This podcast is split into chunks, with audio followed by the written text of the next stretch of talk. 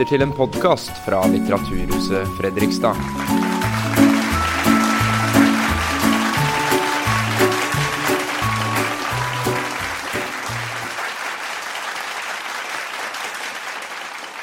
Let me wish you all very much welcome to this fantastic evening.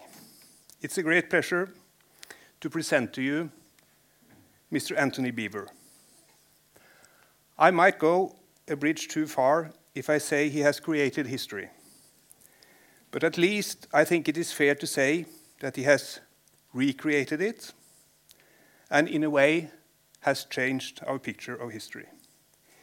He has brought to life for us the desperate fear, but also the desperate hope of the individual soldier of von Paulus encircled army in Stalingrad in that terrible cold winter of 42 43. He has described the horrors and sufferings of the French civilian population in Normandy, devastated by Allied aerial bombing of German fortifications. Beevor has made us understand the brutal efficiency of Soviet military commanders, as well as the brilliance of German military leadership. His work is based on unique research. Beevor has a sense for details and individuals, combined with a large overview, which makes history come to life. He gives us, the readers, a very particular sense of presence. To me, Beevor is the most prominent representative of the generations of historians that renewed our perspective on World War II. They cut loose from the war generation's perspective, where the world was black or white, enemies or friends, good guys or bad guys. Anthony Beevor is here today to introduce his latest book, which is Arnhem, Kampen om broene 1944. Please give him a very warm welcome to Fredrikstad and to Litteraturhuset. Thank you very much.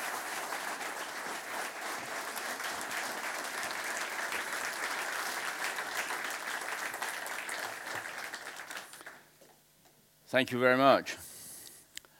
At dawn on Sunday, the 17th of September 1944, Mosquito fighter bombers, as well as squadrons of medium bombers, took off for the Netherlands. This was the overture to Operation Market Garden, Field Marshal Montgomery's plan to jump the River Rhine at Arnhem and advance into Germany. Montgomery was convinced that if he could get across the Rhine uh, before General Patton to his south, then General Eisenhower, the Supreme Commander, would have to give him absolute priority in supplies and in command over American formations. That morning, more than 20,000 paratroopers queued for breakfast near airfields all over England. The Americans of the 82nd and the 101st Airborne Divisions had hot cakes and syrup, fried chicken with all the trimmings, and apple pie. Paratroopers from the 1st British Airborne Division piled their mess tins with smoked haddock, quite a lot of which ended up on the floor of the aircraft, a sergeant remarked. As the British 1st Airborne lined up for mugs of tea before boarding the aircraft, some demonstrated conspicuous optimism, such as taking a football to have a celebration uh, match uh, on taking Arnhem Bridge. The American equivalent uh, appeared to consist mostly of fantasies about yet another foreign country. A young lieutenant remembered uh, wondering what all those blonde girls really looked like with wooden shoes on their feet and windmills in their eyes. A number of American paratroopers had heard that the Netherlands was the country of diamonds, and they dreamed of returning home with enough loot to set themselves up in style. The first aircraft to take off carried each division's pathfinders, who would land on the drop and landing zones fight off any Germans, and guide in waves or the waves of troop carriers. At least 20 of the British Pathfinder Company were in fact German and Austrian Jews who had transferred from the Pioneer Corps.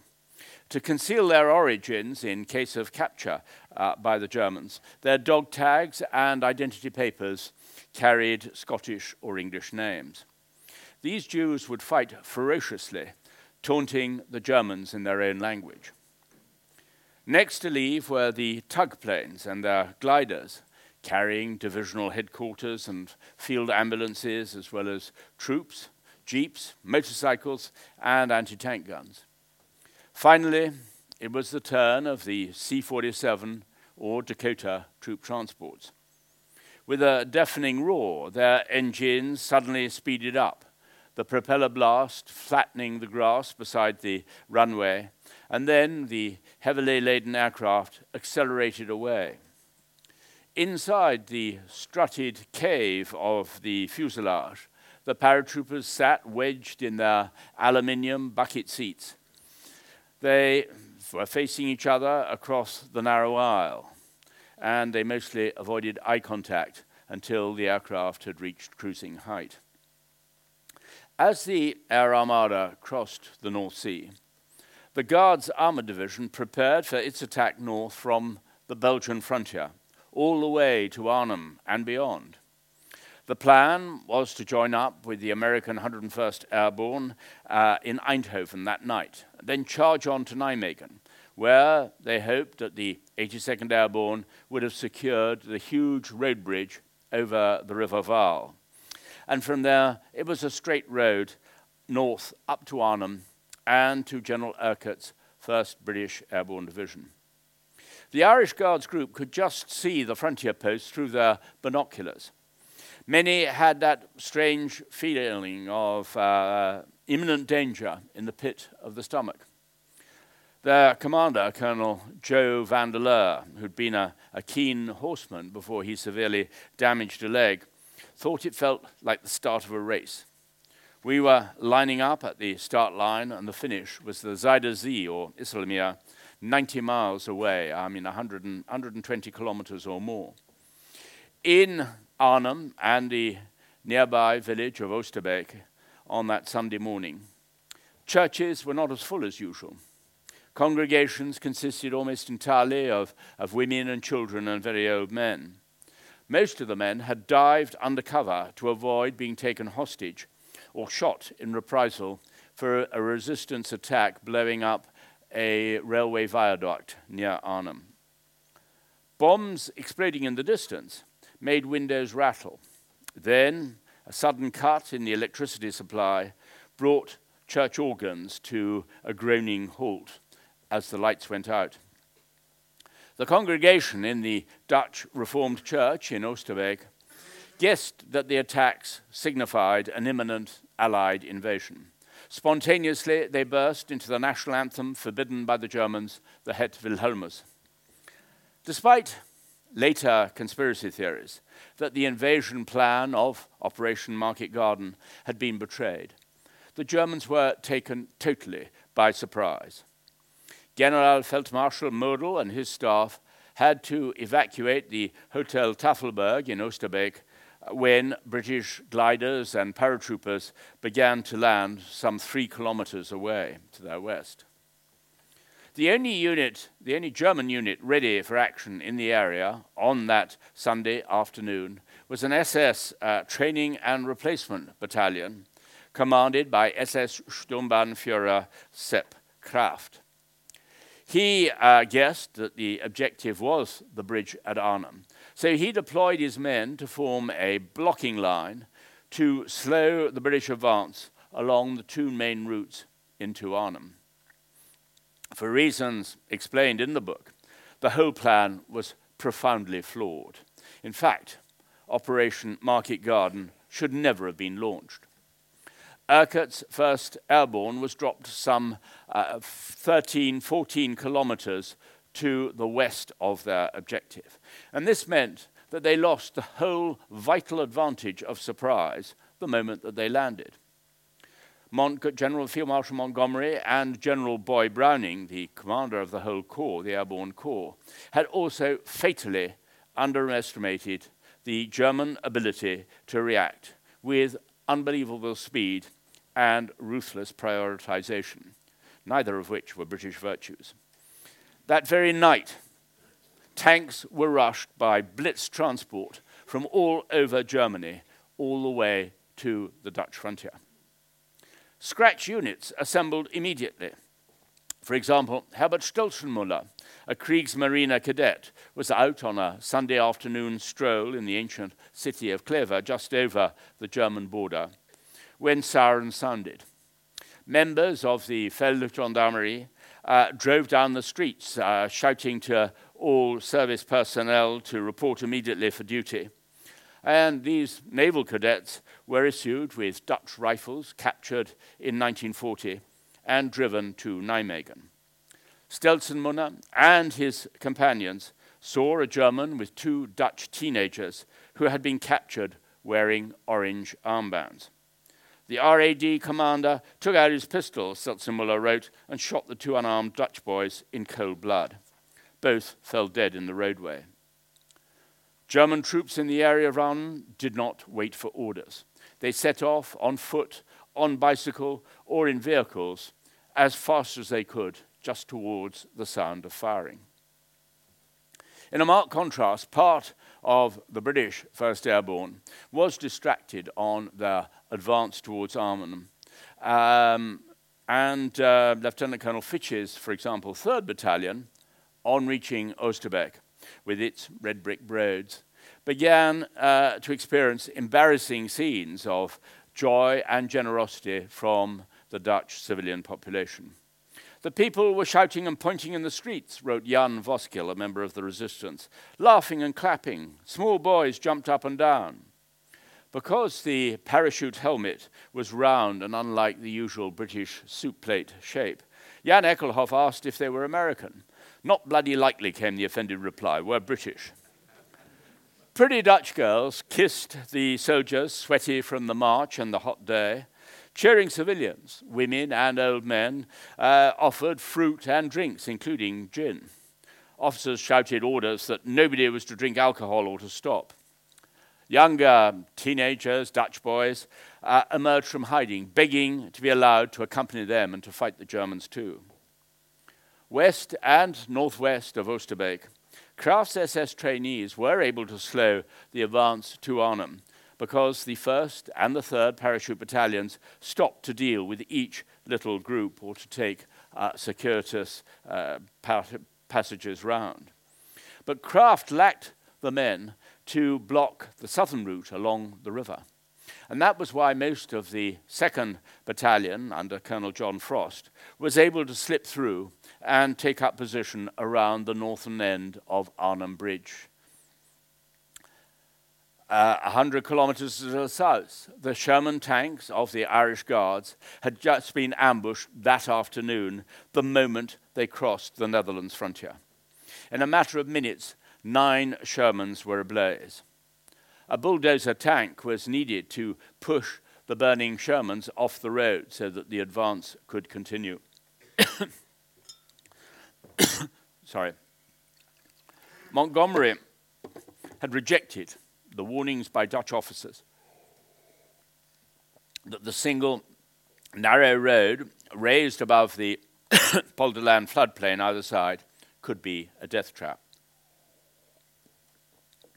Vandeleurs' brigade commander told the Irish Guards after this bloody little battle at the beginning to spend that first night in Valkenswaard, just down the road, when they were supposed to have reached um, Eindhoven by then. General Horrocks, who was the corps commander, agreed because they'd heard that the bridge at Son, just north of Eindhoven, had been blown up by the Germans. But this was an astonishing decision by Vandeleur's superiors. All the bridging equipment was in the long column stretching all the way back into Belgium behind them. So there was an even greater need to push on that night so that the Royal Engineers could get to work rebuilding the bridge at Son.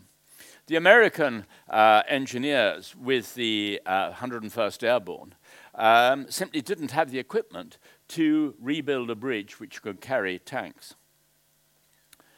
Frost's force at the bridge stood to before dawn on the very next morning, Monday, the 18th of September, With spare rifle magazines to hand and grenades ready primed, they waited for the inevitable counterattack.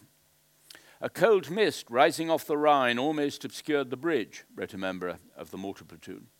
At nine o'clock, just out of sight on the southern part of the bridge, a column of some 20 vehicles formed up from Hauptsturmführer Gräbner's reconnaissance battalion of the SS Hohenstaufen. Grebner raised his arm and all the drivers began revving their engines. He gave the signal and all the vehicles accelerated forward. Puma eight wheeler armored cars led the way, followed by open half tracks, and finally Opel Blitz trucks with only sandbags as protection for the soldiers on board. A British signaller up in, the, up in an attic overlooking the bridge shouted, armored cars coming across. The paratroopers expected the leading vehicles to blow up on the necklace, the daisy chain of mines which they laid across the road. But the four Pumas in front uh, were untouched. They, firing their 50 millimeter guns and their machine guns, they accelerated down the ramp and on into the city of Arnhem. Determined to make up for their slow start, Frost paratroopers react with every, reacted with every rifle, Bren gun, and Sten gun available. The mortar platoon and the uh, machine guns also opened up with devastating effect. The anti tank gunners found their range, and the next seven vehicles were hit and set ablaze. Gräbner's men tried to escape, but vehicles crashed into each other. A half track backed into another and became locked. Their ambushers were able to fire down and lob grenades into both the driver and the Panzer Grenadier uh, compartments of those half tracks. And another one tried to escape down the side bank of the ramp, of the bridge ramp, and smashed into the school building where it was rapidly dealt with by the engineers uh, of the British Airborne Division. And yet another crashed through a barrier on, uh, on the bridge and fell down to the Riverside Road, which ran underneath. Some of those trapped up on the bridge uh, jumped from the parapet into the River Rhine. Gräbner himself is said to have been killed when he climbed out of his armored car to try to sort out the chaos. The smell of roasted flesh permeated the air for hours afterwards, mixed with the stench of the oily black smoke from the burning vehicles. Once the furious firing died down, the 1st Parachute Brigade's war cry from North Africa, War Mohammed, rang out. Soon it was reverberating all around the bridge, an order an officer recorded. When the cheering ended, all that could be heard was a factory siren howling away. Will we be getting overtime for this, sir? called a platoon joker. The whistle's just gone. Frost's men would have been a good deal less enthusiastic about, after, about their initial triumph if they'd known quite how slowly the Guards Armour Division was advancing towards them. Still under the astonishing misapprehension that American airborne engineers could repair the bridge at Son, the Irish Guards had what Vandeleur himself described as a leisurely start, not leaving uh, Valkenswaard until 10 in the morning. Numerous delays during the day meant that they were more than 24 hours behind schedule by the time they joined up with the 101st Airborne uh, that evening. Royal Engineers worked throughout the night uh, to, gra- to, erect a Bailey Bridge over where the bridge at Son had been uh, destroyed. And finally, the Guards Armour Division was able to continue their advance north again to Nijmegen uh, on the morning of Tuesday, the 19th of September. But by then, they were 36 hours behind schedule. American paratroopers liberating Eindhoven and other towns to the north soon encountered Dutch revenge on those who had consorted with Germans during the occupation. In Veghel, an American uh, paratroop officer wrote, The collaborators were routed out of their homes for a long delayed retribution. The girls were mostly rather young and sensual featured, and they went undemonstrably to have their hair shorn. They seemed to accept it as an expected fate. And the Dutch crowds who watched the tonsorial administration of justice displayed none of the sickening and almost animal glee that French crowds showed on similar occasions. They were amused. That was all. In Eindhoven, Dr. Boyants, who saw, saw a group surrounding two attractive women who were about to have all their hair cut off. The shearer was sort of clicking his scissors in anticipation when two American paratroopers from the 101st Airborne with Thompson submachine guns broke the circle around them. Stop that nonsense, they ordered, aiming their weapons. Then each one took a woman by the arm and led them off through the throng and into the town. The frustrated avengers could do little but mutter angrily. An elderly man standing next to Dr. Boyance remarked quietly, They're no fools, these Americans. They're looking for women with experience of life, and if you ask me, they picked the right ones. Many of the Dutch disliked these forms of revenge, but others resented the way that British soldiers, in particular, tried to interfere. Generally speaking, they don't have the same hatred of the Germans as we have, a woman said. I told them that they could not imagine what these years have been like for us. There were, in any case, many worse things to worry about. In Nijmegen, as the 82nd Airborne and the Guards Armored Division prepared to fight their way into the town, the Waffen SS resorted to arson as a weapon of war. Parties of marauding troops were sent as fire raisers uh, into the town. They banged on the doors and shouted, Anybody still there? You must leave the house at once. It's going to be set on fire. The fires are taking on fantastic dimensions, noted Albertus Urien in his diary. Whole blocks were ablaze as the battle went on, with German and American machine guns firing. Flames leap up to great heights, he wrote. Walls cave in, rafters crash down, and in between are the cries of fleeing people and the sharp crack of rifles and machine gun fire. It is a stampede. Nobody remains in the danger zone. A few have salvaged the barest necessities, such as clothing and blankets, and in fear haul these along to a safer place. Mothers hold their crying tots close to them. Desperate fathers carry the bigger children as well as hastily packed suitcases. The anxieties they have been through can clearly be read on their faces. As expected, another German attack on Frost's men at the Arnhem Bridge came at dawn. SS troops forced the Dutch to leave their houses in the vicinity. One of the last sounds that Konrad Hulleman remembered before leaving his home for the very last time was the unearthly racket of an upright piano on the floor above being riddled with machine gun bullets. The defenders at the bridge had already heard all the firing to the west, where the other two other battalions from the 1st Airborne Division were trying to fight through the SS uh, Hohenstaufen's blocking lines.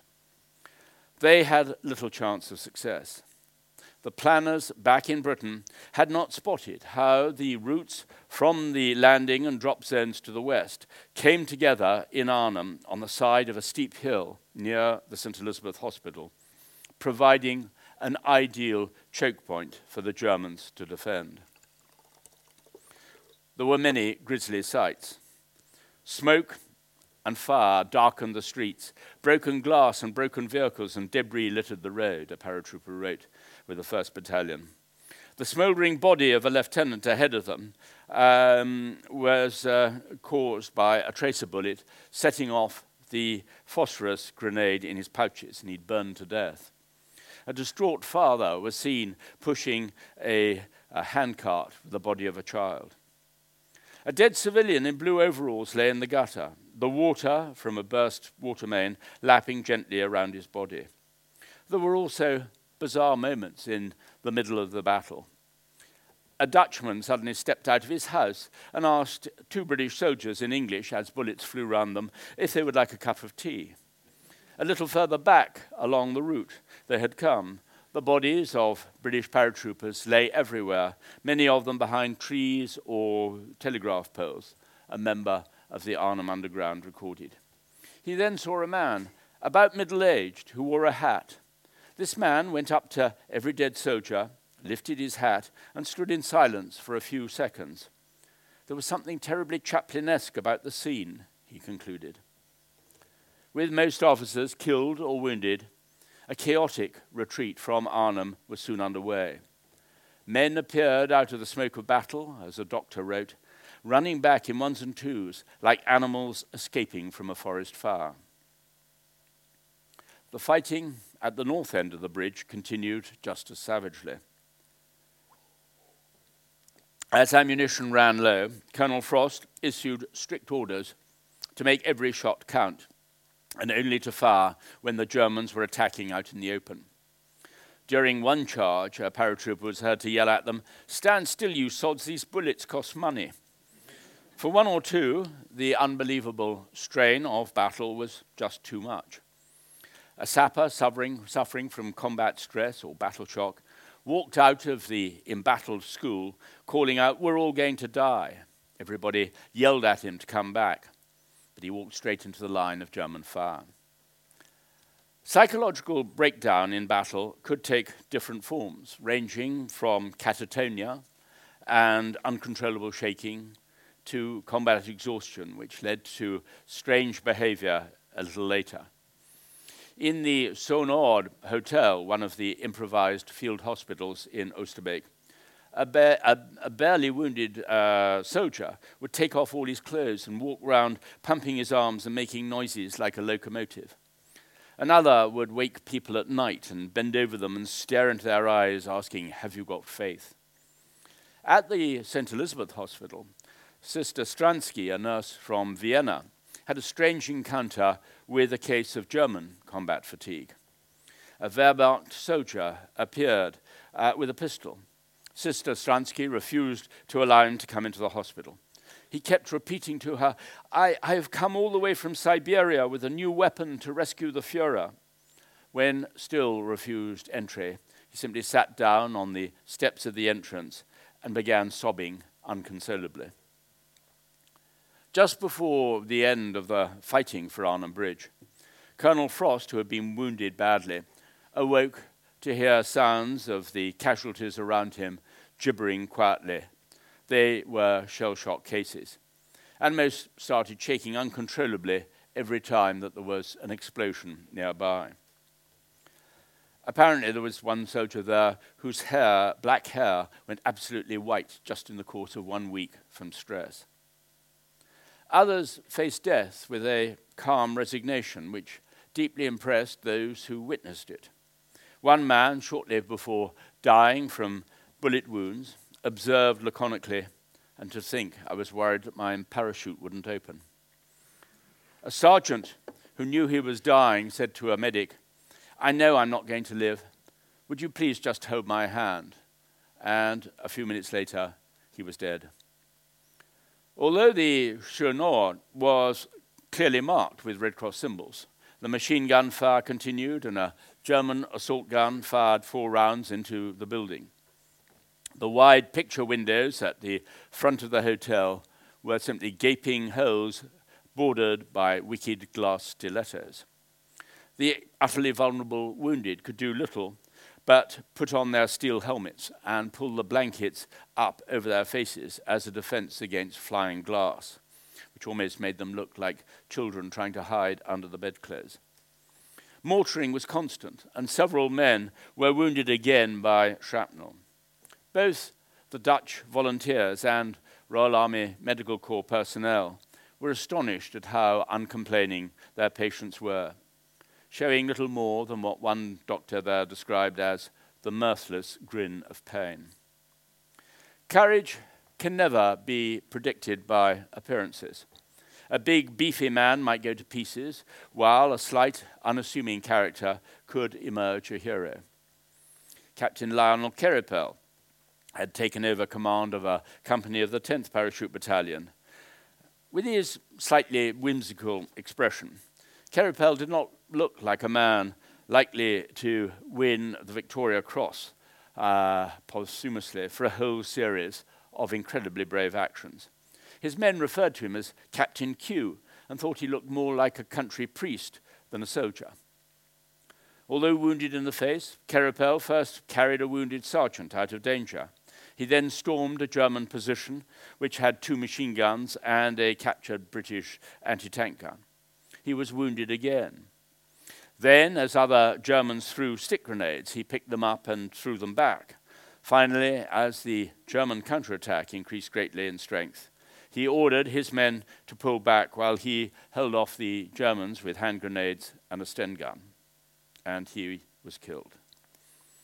Also, that Wednesday, one of the greatest examples of collective bravery took place west of Nijmegen when Major Julian Cook's battalion of the 82nd Airborne paddled across the River Waal under heavy fire. In the movie A Bridge Too Far, Major Cook was played by Robert Redford. To my great surprise, I found in an American archive a furious letter from Major Cook protesting both at being played by uh, Robert Redford and at the way he was portrayed. I'd have thought that most men would have been rather flattered, but anyway. When the trucks bringing the 26 assault boats eventually arrived, the American paratroopers were appalled to find that they were just canvas on a flat bottomed wooden frame. The order was given, and the paratroopers and engineers shouldered the boats like coffins, with their outside hands carrying their weapons, and they ran over the top of the dike and then down the slope. Slipping and sliding in the mud, they struggled to get their boat straight in the water and clamber aboard.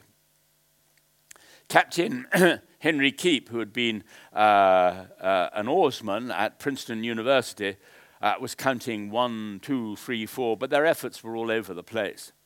Then the Germans began firing in earnest with small arms fire, machine guns, and 20 millimeter flak guns. Some, some boats were literally blown out of the water, while the small arms fire coming from the northern bank made the river look like some sort of seething cauldron. Another person compared it to a hailstorm. In everyone's ears, Henry Keep wrote in this letter to his mother, was a consistent roar of bursting artillery shells, the dull wham of the 20 millimeter, or the disconcerting ping of rifle bullets. There was also the unmistakable thwack when a bullet actually hit a body. The arm muscles of those paddling screamed with the strain, but at last we reached the other side, he wrote. We climbed over the wounded and dead in the bottom of the boat and waded to shore, where behind a small embankment we flopped down, gasping for breath, safe for the moment from the incessant firing. They began to advance in an extended skirmishing line, many hundreds of yards wide. They cursed and yelled, and as they advanced, they fired their machine guns and rifles even from their hip. Many times I have seen troops who are driven to a fever pitch, Henry Keep wrote. Troops who, for a brief interval of combat, are lifted out of themselves. Fanatics rendered crazy by rage and the lust for killing. Men who forget temporarily the meaning of fear. It is then that the great military feats of history occur, which are commemorated so gloriously in our textbooks. It is an awe inspiring sight, but not a pretty one. Staff Sergeant Clark Fuller described his own experience of this sudden metamorphosis from intense fear to a sense of invulnerability. When we finally got to the opposite shore, I experienced a feeling I'd never felt before.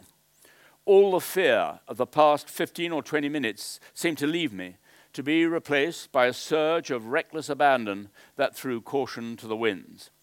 I felt as though I could lick the whole German army single handed. The courage and the aggression of the American paratroopers prompt one of the British Guards officers to observe, I think these paratroopers must be fed on dynamite or raw meat. The massacre which followed, as both fleeing and surrendering Germans were shot down, was a shocking sight.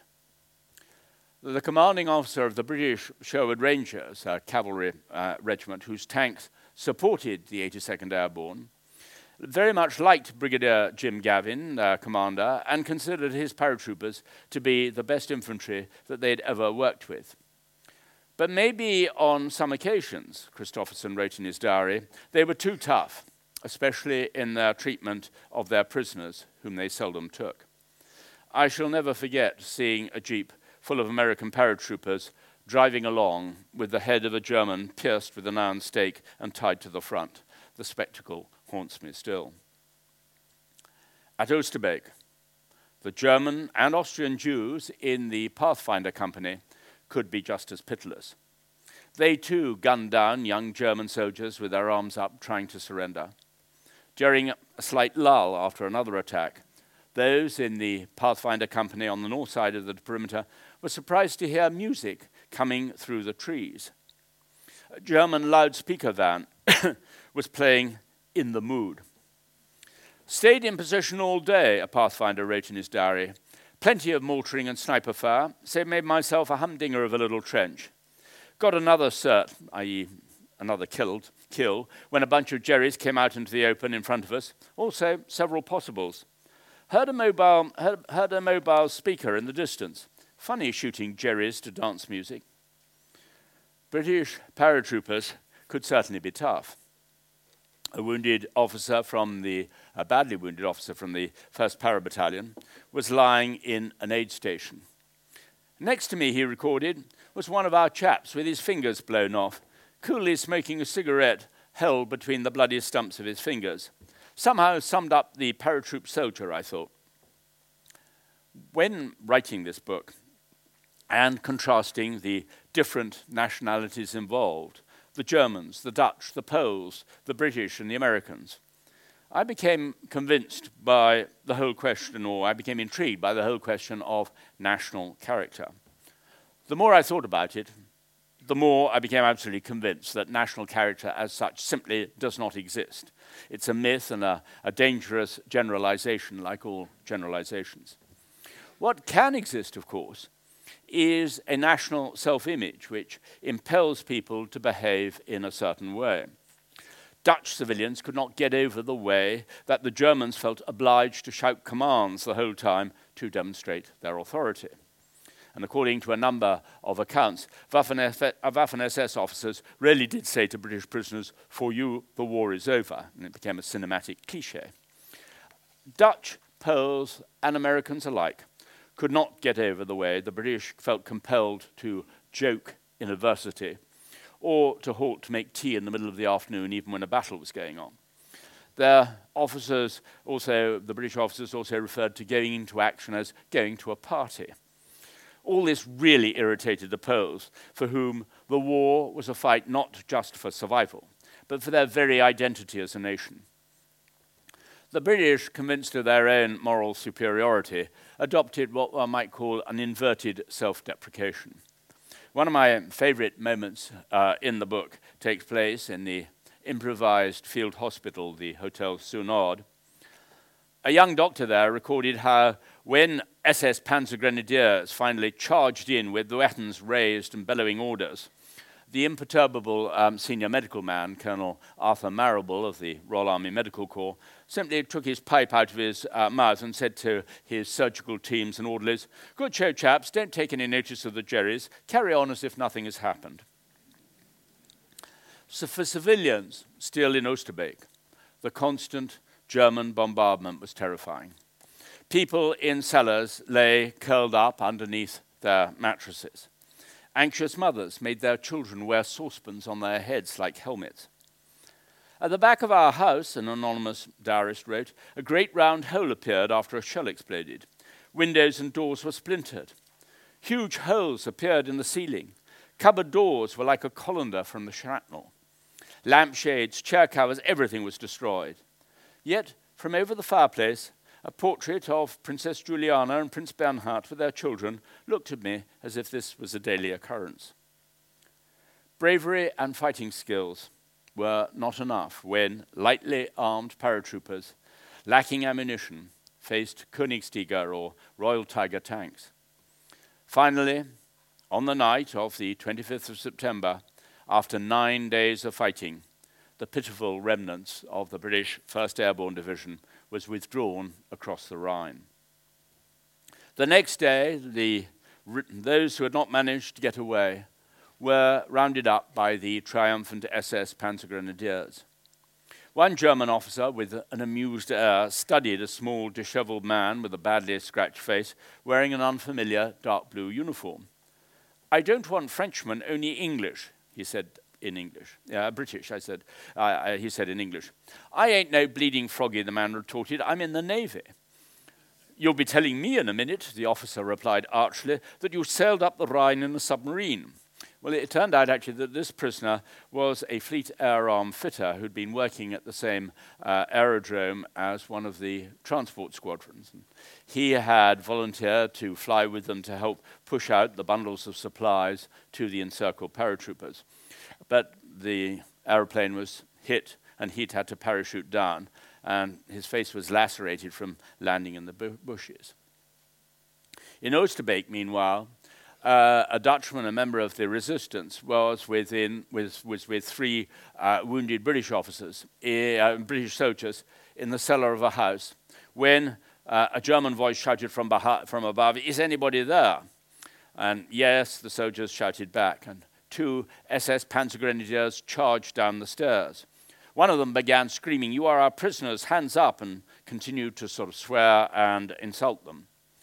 Jan Eijkelhoff, who was the Dutchman with them, described how one of the wounded soldiers ignored his ranting and simply pulled out a packet of cigarettes and offered him one. The German was so astonished he stopped shouting, just stood there with his mouth open. The Germans were utterly bemused by the British compulsion to joke even in defeat a tough glider pilot sergeant, faced by a tense panzer grenadier pointing a rifle at his chest, calmly took a small mirror uh, from his pocket and he, he, examined his growth of beard. And then, with an absolutely straight face, he asked his captor whether there happened to be a dance in town that night. While British prisoners made the best of a bad jo job, this was a very dangerous time for Dutch civilians who had helped the Allies, as most of them had. The Germans were determined to identify them. When we woke up the next morning, wrote C.B. Labouchere, uh, all was quiet. He had been attached to the British headquarters at the Hartenstein Hotel. A quietness we had not experienced for nine days, he wrote. Not a shot was heard. The German authorities ordered the population, the Dutch population of Oosterbeek, to leave their houses immediately. Uh, and along the road, the SS lined up the 150 German prisoners, which the British had been holding in the tennis courts at the Hartenstein, and ordered them to look out and identify any of the civilians that they recognized who had been helping the British. Knowing how recognizable he was from his height and his clothes, Labouchere wondered how he could get past them without being spotted. I saw two old ladies pushing a small cart loaded with luggage and blankets. I offered my help. With an old lady on either side of me, the blankets thrown over my shoulders, I bent over the cart I was pushing and did everything I could of to look at least twice my age. Some Dutch SS took great satisfaction in yelling at a group of women, You see, you celebrated too soon. One of the women, forced from their homes to which the Germans set fire promptly, wrote philosophically Just for a moment I look back behind me. Flames and smoke billows from the house. We feel separated from it, but we still have our lives. Civilians trapped behind German lines in the northern Netherlands had very little to joke about. When Field Marshal Montgomery tried to pretend that Operation Market Garden had been a success, Prince Bernhard, the Dutch commander in chief, observed that his country could not afford another Montgomery victory. The assistance of the Dutch to the Allied airborne divisions and the national rail strike um, to hinder the arrival of German reinforcements and supplies provoked a terrible Nazi vengeance, with food supplies cut off to the major cities deliberately. Members of the Wehrmacht in Rotterdam bragged that they did not need to pay at a brothel. They boasted that for half a loaf of bread they could get anything they wanted from Dutch girls. During what became known as the Hunger Winter of 1944 to 45, almost 20,000 people died of starvation. Some estimates go even higher since famine weakens resistance to disease. Although the Dutch had much to forgive, their generosity to Allied troops at the time and ever since towards the airborne veterans is, I think, the for the British, one of the most moving legacies of the Second World War. Amid the astonishing courage shown by civilians and soldiers alike. In the Dutch archives, I found one story particularly poignant. An English parachute lieutenant who had married just a few days before Operation Market Garden began, went to pieces as soon, almost immediately after he landed. The bombardment, the shelling, and the noise, and all the rest of it, and he simply collapsed. And along with two shell shocked medical orderlies, he hid in the cellar of a country house on the western edge of Oosterbeek. The three men made no attempt to rejoin their unit during the battle. And they were still there after the remnants of the division was pulled back uh, across the Rhine. So the family risked execution if British soldiers were found on their property.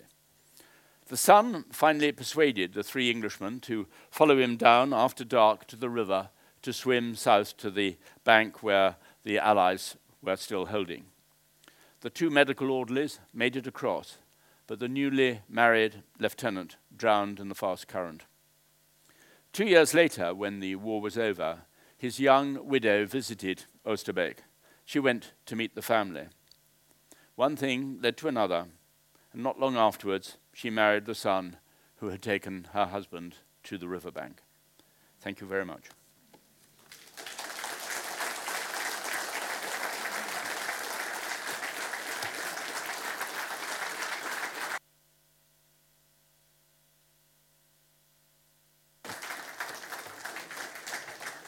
And now, if you have any questions, could you please put up your hand? Um, a microphone will be given to you, and if you can hold it close to your mouth, or fairly close to your mouth, um, then we can get going. Right.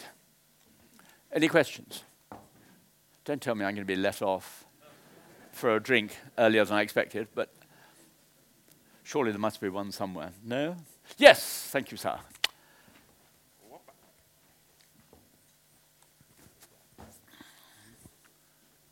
Yes, uh, wasn't it uh, also so that the radio equipment that the Allies uh, had was uh, they couldn't communicate with each other? You're absolutely right. I mean, it was a disaster. Uh, what was extraordinary, and which I have to admit I hadn't even known when I started on the book, was that there were also two American um, radio teams uh, for forward air controlling attached to the British at Oosterbeek. And um, even their radios, which were much more powerful than the British ones, even they failed to make contact because it seems that there was uh, a breakdown in communications and they had the wrong radio frequencies. But the British radios um, were not necessarily just uh, inadequate.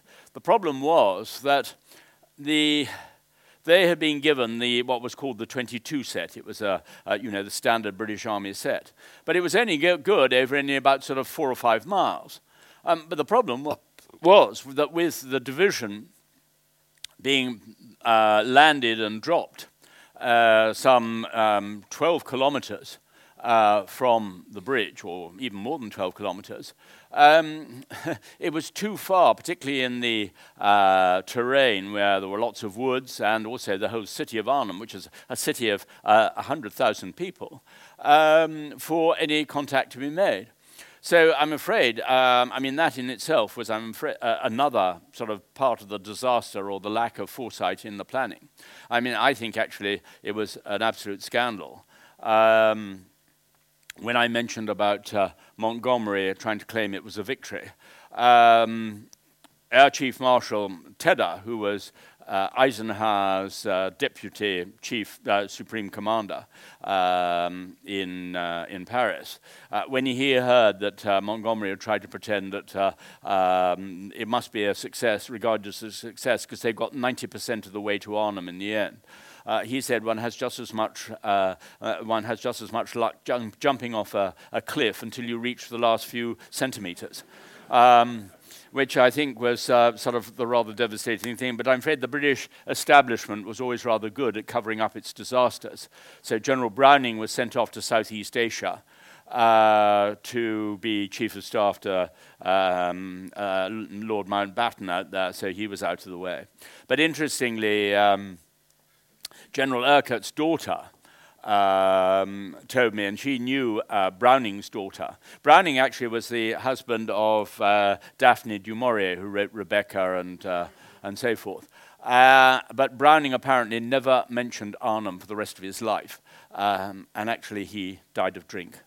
Um, I think that rather reveals the sort of horror that he must have felt at, at what had happened he had been warned. I mean, the whole planning part of it. Um, Montgomery had refused to consult with the Air Force, even though he'd been told, both by Eisenhower and by the uh, War Office in London, so by his superiors, he had been told that when evolving his plan for Market Garden, he must consult the Air Force, and this was in this particular case the 1st Allied Airborne Army, because they would be providing the aircraft. But Montgomery said, you know, he wanted to impose his plan on them because for some reason he had a, a certain contempt for the Air Force. And um, so when uh, Browning, on the 10th of September, having uh, been briefed by and having made the sort of outline plan with General Dempsey, who commanded the British uh, army under Montgomery, and he arrived back and then told uh, the American sort of air chiefs what Montgomery had decided, they had to say, well, hang on, um, you know, first of all, the days are now shorter, so we can't get two lifts into the first day, which meant that only about uh, less than half of the force was landed on that first day, which made a huge difference to all the planning. Secondly, uh, because the distance is now greater than for the earlier planning, we can only fi- uh, take one glider behind each aircraft. And thirdly, they refused to land the, um, any of the glider sort of uh, commando troops, the coup de main forces, uh, near the bridges, because they said the bridges were uh, too heavily defended with flak guns. So as a result, I mean, uh, Browning should have gone straight back to Belgium and said, I'm sorry, Field Marshal, uh, we should rethink the whole thing. But vanity plays a part, I'm afraid, because Montgomery, out of vanity, wanted to get across the Rhine before the Americans, and Browning, uh, wanted to command the Airborne Corps in action because he was still convinced the war was just about to come to an, an end and this was his only chance. So um, I, I, think it should be a lesson. There's a th- another lesson which actually we also should have learned, or certainly the British should have learned for Afghanistan. That there is a problem in military culture. That when uh, a senior, very senior officer comes up with a plan, like this particular one, um, and people try to point out problems, um, they, in fact, are in a very vulnerable position because people might suggest that they were frightened or just not enthusiastic enough and all the rest of it. And this, I'm afraid, is always, I think, going to be a bit of a problem in uh, military culture. And as I say, it was also partly a problem when uh, the British involvement in Afghanistan and also other countries too, as you know only too well, um, was caused by this sort of almost compulsion to say, yes, we can do it, um, when perhaps they should have taken a slightly cooler look at the whole, at the whole problem. Anybody else? Hello. Uh, in what way did Montgomery have to take the responsibility for the whole failure? Well, he should have taken a lot of responsibility, all right. Um, I mean, the trouble was that Montgomery had been made into. The British didn't have very many hero generals in the Second World War, uh, and that was a problem. And because Montgomery had been turned into a hero by the British press after Alamein, um, it was very, very hard to criticize him afterwards. I mean, Montgomery was strange, shall we say. Um, uh, he could, simply was incapable of listening to anybody else's advice, and he did have a certain tunnel, tunnel vision. And I suggested in my previous book, Ardennes, uh, that Montgomery perhaps had um, high functioning Asperger's. And interestingly enough, I mean, I, I, just suggested it as a possibility. And then the BBC, um, which rather made me nervous at the time, arranged for me to do a discussion with Montgomery's step grandson, who'd lived with Montgomery, and um, sort of knew him very, very well, uh, to discuss this idea with him. And actually, he, to my huge relief, um, said, actually, I think it's probably the best explanation for his strange behavior. Um, and then thinking that you'd come up with something rather original, somebody then pointed out that actually uh, a very distinguished uh, professor of psychology at um, Trinity College Dublin had actually written a large paper on Montgomery and high functioning Asperger's 20 years before. So, you know, you, you, you may not be there first um, rather often, but there, there, we are. But I think that that really was one of his uh, problems in that particular way. And Montgomery, right to the end of his life, would not accept that he had ever done anything wrong, and this drove Eisenhower crazy. Uh, he exploded uh, shortly towards the end of his life to one particular um, to one particular uh, writer who was interviewing, simply saying, you know, that man's a psychopath. He, he cannot admit he's ever done anything wrong. Um, and um, that, I think, was sort of very much uh, the American attitude. I mean, uh, it was quite comical in a way that uh, Eisenhower's um, deputy, uh, his, uh, his chief of staff, General Bedell Smith, um, thought it rather amusing the way that Montgomery was convinced that uh, General Omar Bradley uh, admired and liked him, when absolute, Bradley absolutely loathed his guts. And, um, you know, it was, uh, uh, he had no idea how other people saw him, and that, I'm afraid, was um, a major problem. And it did more to wreck Anglo American relations uh, in the last part of the war. This was especially after the Ardennes offensive, when Montgomery had claimed that he'd won the whole battle almost by himself, which infuriated the Americans. And the British by that stage already, as you know, bankrupt and short of men uh, and all the rest of it. Um, and the British were basically excluded from Allied councils and pushed to the side in the advance into, into Germany. So uh, I'm afraid Montgomery really was a bit of a disaster for uh, Allied relations in that particular way. Uh, we can certainly do one more if there's I anybody else. I wonder if how, with all these details, uh, how long time do you need to, to, to prepare a book like this? Um, Stalingrad and Berlin took me four years each. Um, these were about three, were three years each. Um, it's a question of, I mean, obviously the bulk of that is, is in the archives. Uh, I mean, I, I, don't speak Dutch or Polish, but uh, I had a great Dutch friend, and we used to sit side by side in the different Dutch archives. I mean, they've got some wonderful collections of uh, diaries by uh, Dutch women and men um, who lived in and saw were eyewitnesses to all of this. Uh, and I was quoting, quoting some of them in the talk just now. Um, the Polish archives, curiously, are in London, partly because, of course, the Polish government in exile was in London. Uh, and so my uh, Polish uh, uh translator and interpreter came over to London and stayed with us, and we worked through those um, in America, there is a huge amount of material. I mean, what one fails quite often to understand from the outside is how much material there is in those archives and um, not just the American archives, especially the Russian archives. I mean, you know, uh, it's it's it's phenomenal. So you can always find sort of you know new stuff, and I don't think there's any justification in writing yet another book on a, a subject like this, unless you are going to be coming up with quite a lot of uh, new material. But uh, what it irritated me about earlier books on the subject, and was one of the reasons why I really did want to write this particular book, is that they were sort of pure military history, i.e., it was just about the soldiers when in fact the history of war should be also about the civilians who are trapped in the middle. Uh, because particularly, I mean, to have a book about the uh, about Arnhem and Operation Market Garden uh, without talking about what happened to the Dutch civilians as a direct result of it afterwards, um, I think is totally wrong. So I think that one needs to uh, go and sort of spend time in all of these archives. But there is a, a phenomenal amount of stuff. Um, the in the British archives, some of the most amazing material um, was only discovered fairly recently. Uh, it should have been discovered earlier, uh, but I, I, talked to the head of the archive and I said, "But why, surely, why, why, didn't we find out about it?" And he said, "Well, it seems all you historians were asleep on the job because uh, we announced this stuff." Now, this material was called the Combined Services Detailed Interrogation Centres, and the British, rather cleverly, had provided um, uh, for the German prisoners and generals particularly uh, a couple of country houses, which were very uh, well looked after and sort of comfortable, um, but they had microphones hidden virtually everywhere. And they had uh, large teams of German Jews who were working for the British listening in to all the conversations of the German generals and officers. Um, I mean, for example, that detail about uh, the bread in Rotterdam uh, being used as a currency by the Germans, I mean, came from sort of discussions about what was happening in Holland or what had happened in Holland.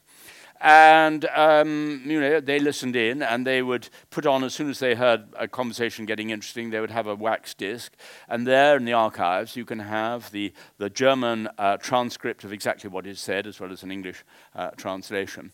And so you, you have a sort of detail which is almost unimaginable, which is actually the words they used at the time. And in many cases, they're talking about the uh, massacres of Jews on the Eastern Front and all the rest of it. I mean, this is out of their own mouths and makes it, uh, shall we say, rather more valuable in that particular way.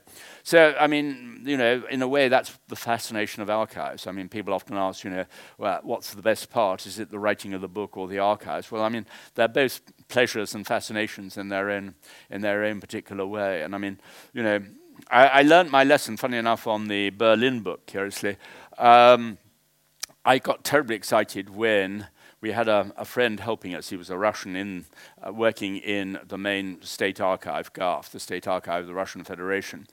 Um, and he started passing us some documents which were still sealed and secret. Um, so I wasn't able to quote the exact source.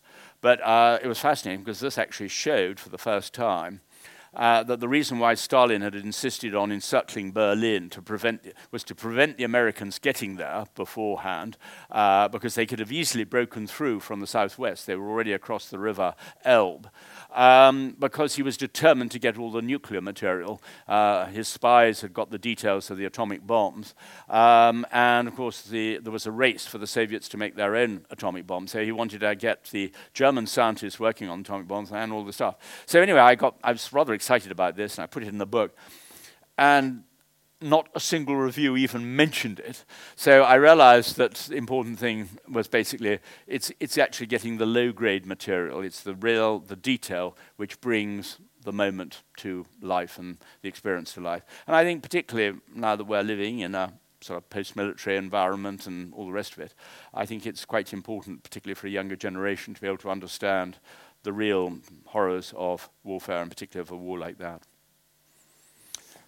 I think I've said enough, and actually, I'm looking forward to a drink. Thank you very much indeed.